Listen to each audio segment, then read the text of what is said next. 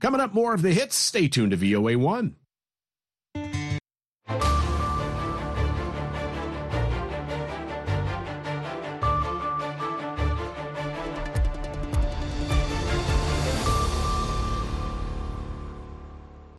Halkani waa washington laanta afka soomaaliga idaacadda v o eda ood si toos uga dhagaysanaysaan mawjadaha gaagaaban efemyada geeska afrika iyo caalamka oo dhan ood nagala socotaan boggeena internetka ee v o a somaly com.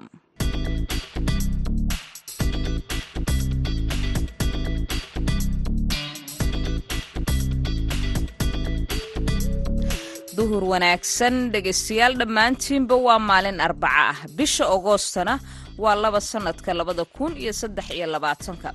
Afrikada bari saacaddu waxa ay tilmaamaysaa kowdii iyo barkii duhurnimo. Idaacadda duhurnimo ee barnaamijka dhallinyarada maanta ee v o edana waxaa idinla socodsiinaysa anigoo ah sahre cabdi axmed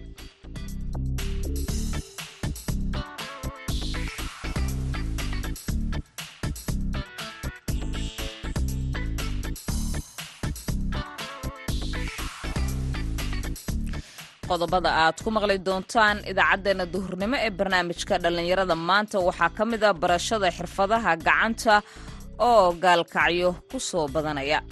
Inay ka faa'iidaysan doonaan inay kahortag u noqoto inaysan dhicin dhalinyaro hijroota ama yani waxa loo yaqaano tahriibta u tahriibta dalal kale yaraada caqabadaha haysta dhallinyarada abuurma shaqa abuur isla markaasna ay u noqoto inay kabto reerahoodii iyo qoysaskoodii iyo dhammaan wax allaale waxay ay mudnaayaan. Waxaad sidoo kale maqli doontaan wariyaal loo furay tababar la xiriira arrimaha isbeddelka cimilada. Qodobadaasi iyo warar kale ayaan idinkugu haynaa barnaamijkeena duhurnimo ee dhallinyarada maanta. Waxaase intaasoo dhan ka soo horeynaya warkeennii dunida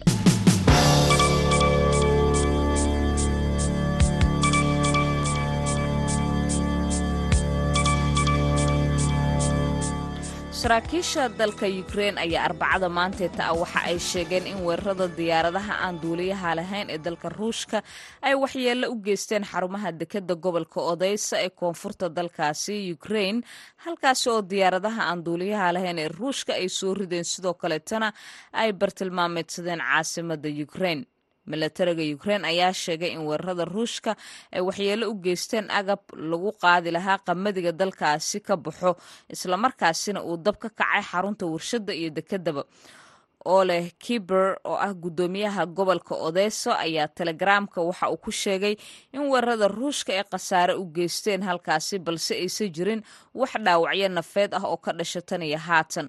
Markii uu markaasi hindisihii meesha ka baxay haruurka madowga ah bishii hore in la dhoofiyo waxaa ruushku uu si isdabajooga u weeraray kaabayaasha badarka ukrein ee dhinaca gobolka odeysa gobolka fog ee waqooyi bari dalkaasi hindiya ee manapur loo yaqaano ayaa rabshado ka dhashay bishii mey waxa ay abuurtay kala qaybsanaan qowmiyadaha dhexdooda ah oo qoto dheer waxaana ay noqotay siyaasad dhinacyada ra'iisul wasaaraha dalkaasi narendra modi iyo xisbiga mucaaradka ay isku eryanayaan oo loolankooda uu kusan leeyahay saddex bilood aan raahday kadib markii ay dad badani ku soo qulqulayeen magaalooyinkii tuulooyinkaasi waxaa cirka isku shareer xiisada u dhexeysa metisis iyo sidoo kaleeto hinduuga kukiska iyo qabiilo kaleeto kuwaasi oo iyagu masiixiyiina kumanaan ka tirsan ciidamada ammaanka ayaa gaaf wareegaya gobolka buuraleyda ah ee dhaca xadka mayamar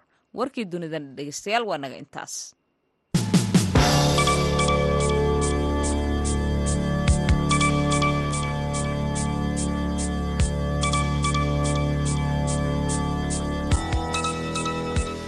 halkaasi wararka idinkaga imaanayaanna waa laanta afka soomaaliga idaacadda v o eda aan ku horeynay magaalada gaalkacyo waxaa lagu qabtay tababar la xiriira sidii dhallinyarada magaaladaasi ay uga dhaqangeli lahaa qaarkood ay uga qayb qaadan lahaayeen shaqooyinka la xiriira farsamada gacanta tababarkaasi ayaa dhallinyaro badani ay ka qayb gelaysaa waxaana ujeedkiisa uu yahay sidii ay shaqo abuur u sameyn lahaayeen dhallinyaradaasi. Cabdiwaaxid macalin isaaq wariyaha v o eda halkaasi ayaa warkan soo diray.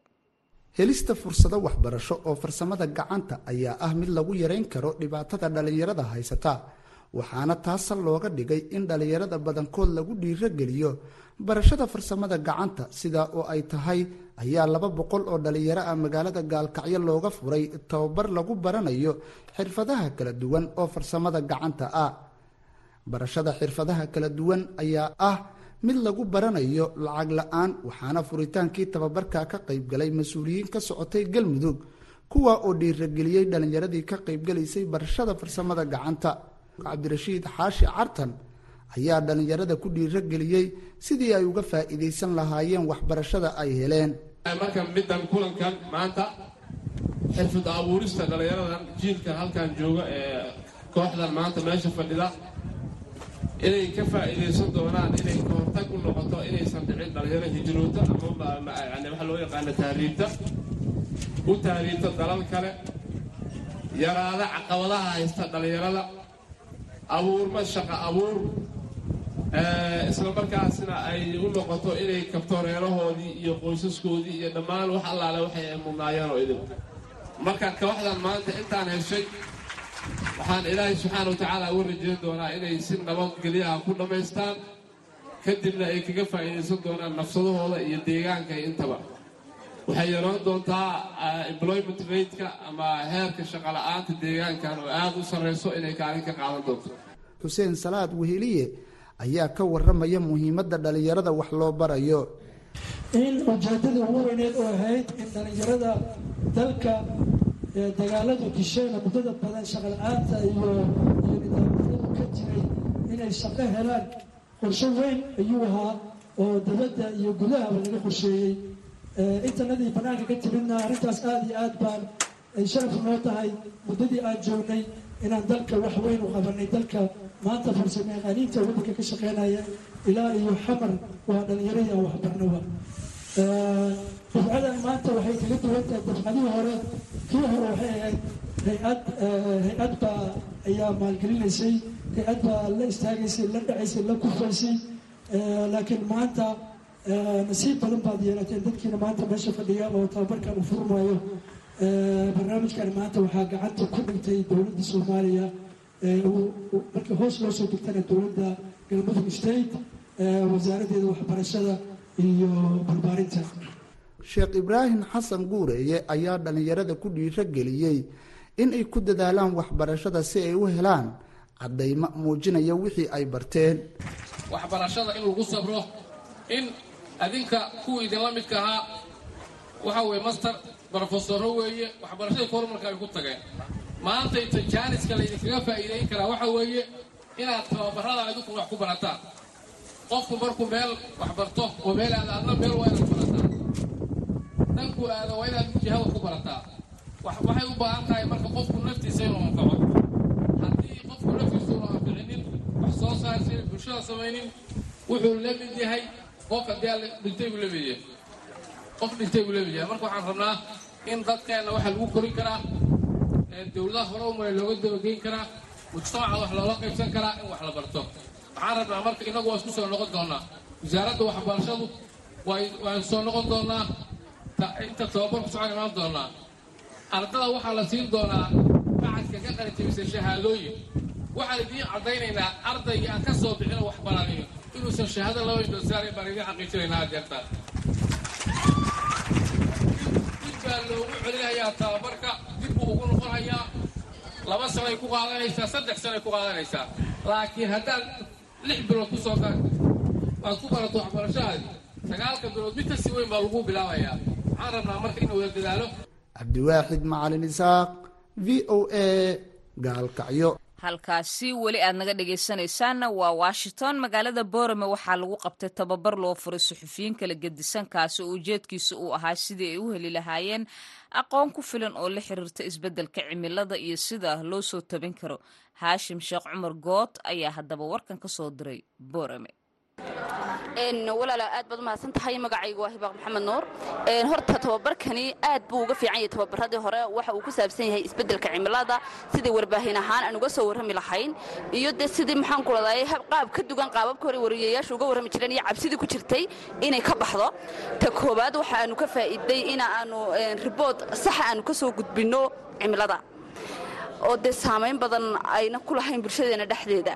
Aanu inagu wariye ahaan aynu ku dhex samayno. Marka waxyaabo badan baanu ka faa'iidnay. Waxaanu rajaynaynaa inaanu ku dabiqi doono shaqooyinkeennii bulshada ma ku baraarujin doontaan dhibaatada isbeddelka cimiladu ay ku keenayso deegaanka iyo bulshadaba haa walaalo waxaan rajaynaynaa inaanu maantadan aanu bilowno inaanu ku baraarujinno bulshadeena wacyigelin ballaadhan aynu ku samayno siday siyaasadda uga warramayaanna ay cimilada ay wax uga bartaan. Faa'iido badan ayaan rajaynaya fikirkii markii hore aad ka haysatay isbeddelka cimilada iyo dhibaatooyinka uu ku hayo deegaankiina iyo guud ahaanba mandaqadda maxaa ka bedelmay markaa tababarkan casharo badan aad ku baratay walaali horta wax badan baa iska bedelaya marka aad wixii aad tababar aad ka qaadato. Konsob baad marka hore ka haysataa laakiin marka aad gudihiisa u gasho wax badan baa iska bedelaya iminka oo kale ina ana maxaan ku dhadaayay dee ay cabsi ku jirtay inuu qofku ka soo warramo cimiladii uu is leeyahay adiga saamayn kugu noqotaa bulshada dhexdeeda. Haddana walow aanay ahayn inaan dee maxaa aanay wax saamaynayn kugu dhex yeelanaynin. Haddana shakhsi ahaan aniga hibaaq ahaan dee wax badan baan ka faa'iiday oo aan is leeyahay waad ka bedeli doontaa insha allah cilmi yamani baa layguna haysaa waxaan ka socdaa radio hargeysa waxaana nahay soo saaraha barnaamijka deegaanka ee warbaahinta dowladda. Tababarkan waxaa tababar aad u qiimo badan. Waxaa si qoto dheer looga hadlayay isbeddelka cimilada iyo qaabka ay tahay qofka wariyihiin muxuu ahaa uga warramo. Marka aqoon fiican oo la xidhiidha isbeddelka cimilada ayaan tababarkan ka kororsaday. Waxaan ka kororsaday ereyada ama terminolojiga loogu talagalay in qofka wariyihii uu muxuu adeegsado xilliga uu tabinayo dhacdooyinka la xidhiidha isbeddelka cimilada. Sidoo kale meelaha xogaha ee la xidhiidha isbeddelka cimilada aan ka helayno ayaan aqoon fiican kaga kororsaday markaa tababarkan waxaa tababar aad u qiimo badan oo shaqadii warbaahinta ee dhanka cimilada iyo tabinteeda aniga wax badan iga taraya haddii allaha wadin raalli ka noqdo. Haashim waad mahadsan tahay magacaygu waa betri koosaar tababarku muddo afar cisha ayuu dee dabcan noo socday. Wax weyn ayaan dee dabcan ka barannay. Waad og tahay wariyaasha waxaa la yidhaahaa siiba weliba dhinacan markii somalilan la sheegayo waxay u badan yihiin siyaasadda. Markaa in aanu dhinacan cimilada isbedelaysana casharro badan ka qaadanno oonu annagu laftayadu markaa sidii aanu u gaadhsiin lahayn dadkii miiga oo maadaama dad badan nagu xidhayin maadaama farriimaha annagu aanu xoog u tuuri karno inaannu dadkaa gaadhsiinno markaa tababar sidaasa oo qiimo weyn dabcan leh oo dabcan aanu qaadan doonno ayuu ahaa bedri inta badan waxaa tahay wariyaasha caanka ee ka hawlgala hargeysa waxyaaba aad xoogga saartaanna waxaa ka mida siyaasadda sida adigubaad tilmaantay. Isbeddelka cimilada waxaa ka mida wasakhowga deegaanka lagu hayo sida magaalooyinka. Waxyaabaha maxaad ku soo tabin doontaa? Beejkaaga amase goobahaad ka shaqaysaad ka tabin doontaa waa muhiim runtii waa runta de siyaasaddu maynu aad ugu horraynay iminka ereyo badan baanu halkan dabcan ka barannay oo qaabka loo tabinayaa isbeddelka cimilada oo qaabka dabcan dadka loogu sheegayaa. Kuwaasoo dhan waxaan jecelahay inaan shaqadii ku dabaqo halkii siyaasadda aanu ku ordayna abalrakan deegaankana aan iminka raacino casharo badan cimiladan isbeddelaysa aanu ka baran siad markaa bulshada ugu bardhigi doontaa dhibaatada isbeddelka cimiladu ay u leedahay magaalooyinka oo ay dad badan ku soo barakacayaan maadaama deegaanadii dhibaatooyinka iyo isbeddelka cimiladu ay saamayn ku yeelatay runtii maadaama dee xoogga aanu saaraynin siyaasad waa in hadda iminka deegaanadii la tago kuway saamaysay la tago oo dabcan wariyaashu ay dee tebiyaan. Si casharkii halka ku barteenna ay dabcan dee gaadhsiiyaan halkii loogu badan la geeyo. Haddii kale dee casharku wuxuu noqonayaa un hal bacaad ugu lisay soo maaha. Marka hadda siyaasaddii nagu arki maysida waxaanu leenahay dhakaasaan u cararna haashimo magacaygu waa hodan bahdoon waa markii labaad ee tobabarka noocan oo kale aan ka soo qayb galo waan ku faraxsanahay inaanu ka nasanno dhankii siyaasadda oo inta badan somalilan lagu bartay. Imig waxaa naloo tababaraya sidii aan u ribood garayn lahayn isbeddelka cimilada. Kolley waxaan rajaynaya inay tahay mawduuc wanaagsan. Waxaanan ku tala jiraa inaan ka mid noqdo wariyaasha maxaa haytoolay warbixinahaasi ka soo dhex muuqan doona. Aad baa umahadsan tahay walaal haashim. Magacaygu hooda maxamed jaamac waxaan ka mid ahay saxafiyiinta qaadanaysay sida looga warramo ka hortagga isbeddelka cimilada. Waxyaabo badan baanu ka faa'iidnay sidii hadda iminka isbeddel cimilo ay dhacaan amba ay deegaan ka dhacaan siyaabihi aanu uga warrami dadkii ka qayb qaadanayay. Dee aqoon badan oo ayaanu ka faa'iidnay walow ayna dee intaa afartaa cisha aynan ugu fillayn oon rajaynayna inaanu aqoono badan oo kale iyo maalmo badan oo ballaadho aan qaadan doona haddana alxamdulilah aqoon naga dhinayd ay afartaa cisha noo buuxiyeen. Waa mahadsan waa tahay haashim sheekh cumar good aad iyo aad ayuu u mahadsan yahay. Wariyaha v o eda ayuu kaasiha markana dhinacii heesaha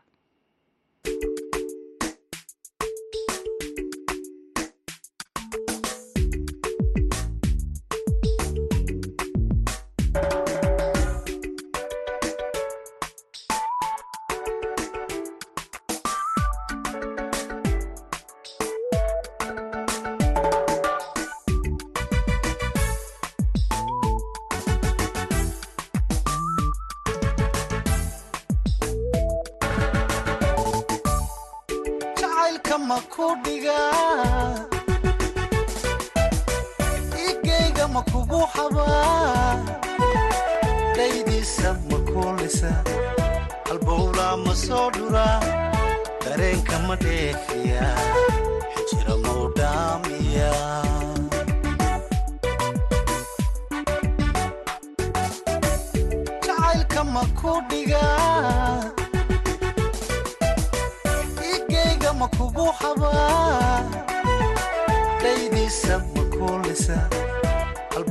ma soo dhuraa dareenka ma dheefiya xijira mau dhaamiya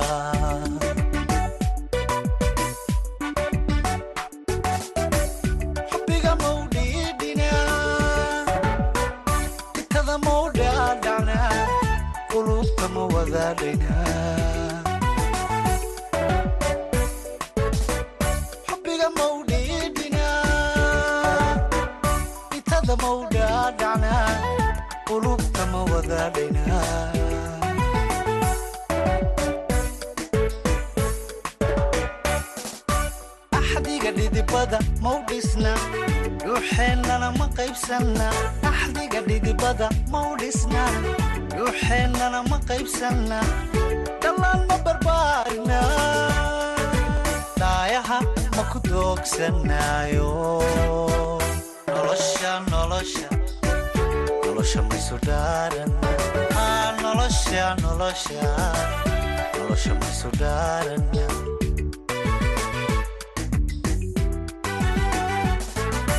axdiga dhidibada mau dhisna dhuuxeennana ma qaybsanna axdiga dhidibada mau dhisna dhuuxeennana ma qaybsanna dhallaan ma barbaarina dhaayaha ma ku doogsanaayo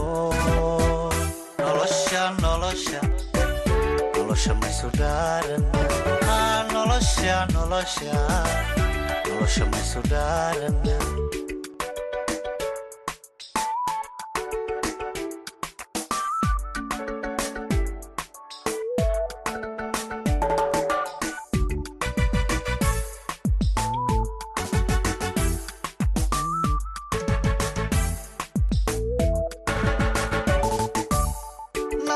aa nolosha nolosha nolosha maysu dhaaran nasteexa ma kugu dhaqaa aroos ma ku dhiranaa raaskeenna ma wada dhisnaa rajada ma dhabaysannaa dhaliil ma ka baajinnaa farxadda ma la dhaygagnaa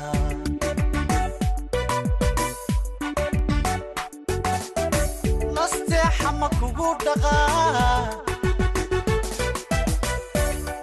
ma ku dhiranaa raaskeenna ma wada dhisnaa rajada ma dhabaysannaa dhaliil ma ka baajinnaa farxadda ma la dhaygagnaa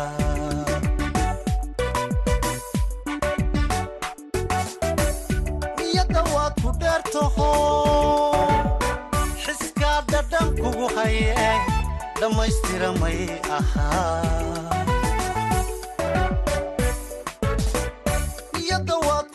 ku dheertaho xiskaa dhadhan kugu hayee dhammaystira may ahaa.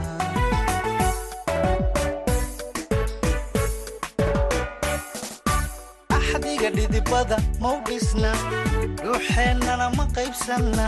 Axdiga dhidibada mau dhisna dhuuxeennana ma qaybsanna.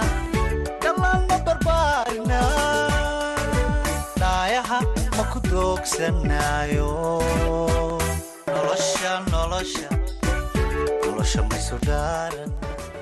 heeskaasi dabacsan halkaasi aad ka dhagaysanayseen waa washington iyo b k. Markanna waxa aad ku soo dhowaataan ciyaarihii waa kan maxamuud mascade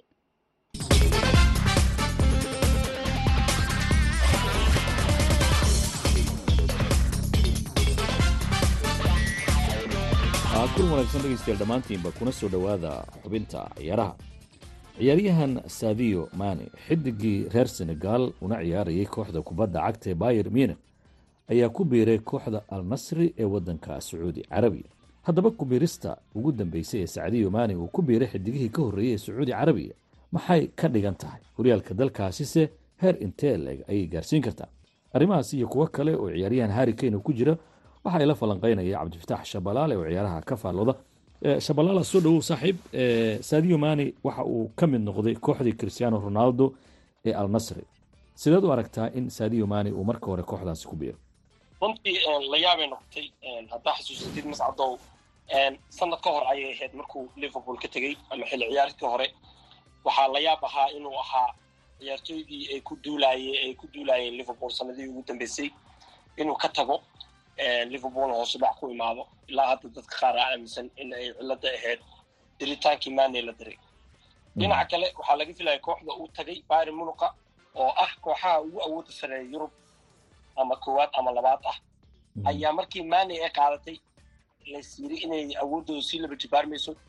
Culeyskooda yurub uu badanayo maadaama aan naqaano weerarka uu yahay maane marka hadda waxaa isbedelay khilaaf ayaa dhacaya la leeyahay bari munuk iyo mani khilaafkaas waxaa isla markiiba ka faa'iidaystay kooxda al nasiir ee dalka sacuudiga dhinaca fitnesskana waxaa la leeyahay murukiisa ayaa waxaa laga sheegayaa dhaawac future badan aan lahayn marka taasna waa la cudsanayaa in ay bari munuk isku dhaafinayso ciyaartooyda laakiin marka laga hadlo saadiyo mani sida aad xustay kooxda kubadda cagta ee liverpool horumar badan uu gaarsiiyey qarankiisii waa isagii koobka u qaaday laakiin ciyaar ahaan iyo xirfadiisa heerkii uu joogo oo weli aada u sarreysa marka inuu sacuudi carabiya ku biiro uu xidigaha kale ka mid noqdo.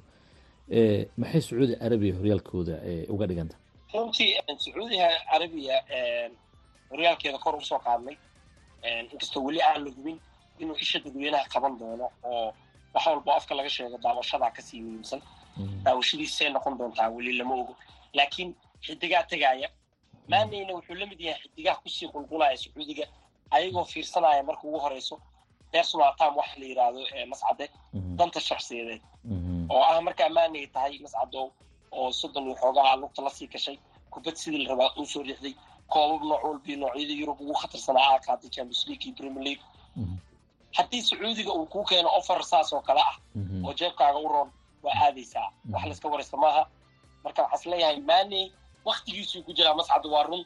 Haddana futurkiisa uu si u fiirinaya laakiin horyaalka sacuudiga ee ciyaartooydan ku qulqulaya maxay ka dhigi kartaa horyaalkaas inuu noqdo? Runtii horyaalkaas wuxuu ka dhigi doontaa horta hadalhayntiisa iyo magaciisa iyo goosgooskiisa meel walba waa lagu arki doonaa.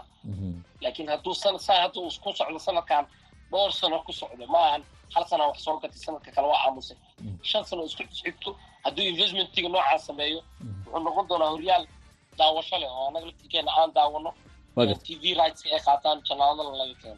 waaya haddaan ka gudubno dhinaca waddanka ingiriiska ciyaaryahan harry kane kabtankii qaranka ingiriiska kooxda tottenham lafdhabarka u ahaa byr munich ayaa in dhoweydba daba socotay markii ugu dambeysay lacag siddeetan iyo shan milyan ah ayay ka dhigtay baa la leeyahay tottenhamna waa diiday oo waxay rabtaa boqol milyan oo ganiga ingiriiska. Harry kane halkuu ku dambayn doonaa runtii harry kane markaa fiirsid xaalad cajiran waaye aniga ahaan waxay ila tahay inuu bayr munich u aadayo. Sababaha badanna ciyaartooyda da-duu jiro. Kandaraaska loo bandhigay markaan fiiriyo afar sana ah da-duu jiro. Kandaraaska ugu dambeeya noloshiisa inay tahay ciyaartooyda badanaana sida hadda ka soo qaaliyonayn mascadow kandaraaska ugu dambeeya way ku dhintaan oo waxaa kubaddan future badan male ilaa soddon iyo shan qofka ugu badan. Uu riixaa soddon iyo lix soddon iyo toddoba qaaraa gaara. Laakiin badanaa soddon iyo shanaa la xisaabsadaa ciyaartooyda marka haadi soddon afka la sii galayaa soddon iyo kow inuu dabaaldegaya oo malinaya isku hadduu galo marka haadi wuxuu fiirinaya afarta sano ugu dambeysa contractiga inuu ku fiiriyo inuu koob qaado. Koobka qaaday tottenham wareeruu galay. Koob iyo mushaharkiisoo kordha iyo baarminku waa u diyaartaa in ay wax weyn oo uusan wiilkan ay tahay marka tottenham shan toban milyan aa u dhexayso laakiin waxay ku qasban tahay inay ciyaartooydaas muddada tobanka sano u joogay in aysan shan toban milyan u fiirnayn oo ifisay doonaan waayahay shabalaal aad baad mahadsantahay dhegeystayaal xubintaan ciyaaraha ku soo gabagabeynaya kana kulan dambe oo kumaa dhegeystayaal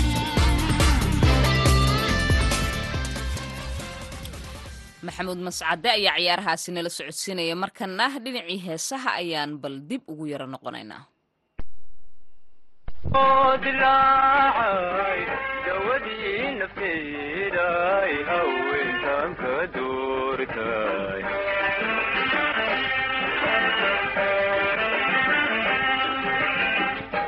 sida dayaxanuuray habadadan hilaaci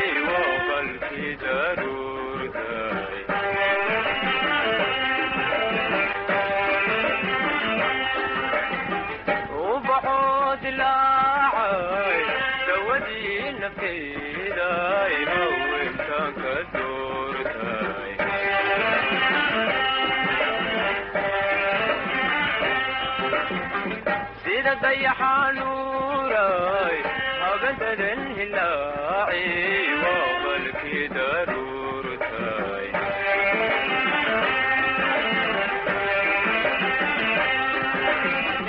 darmantaa jeclaay hedha waan ku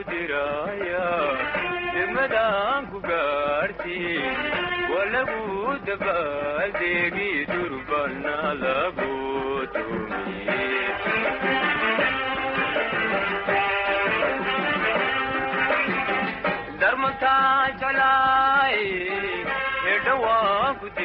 diraya degmadaan ku durbana lagu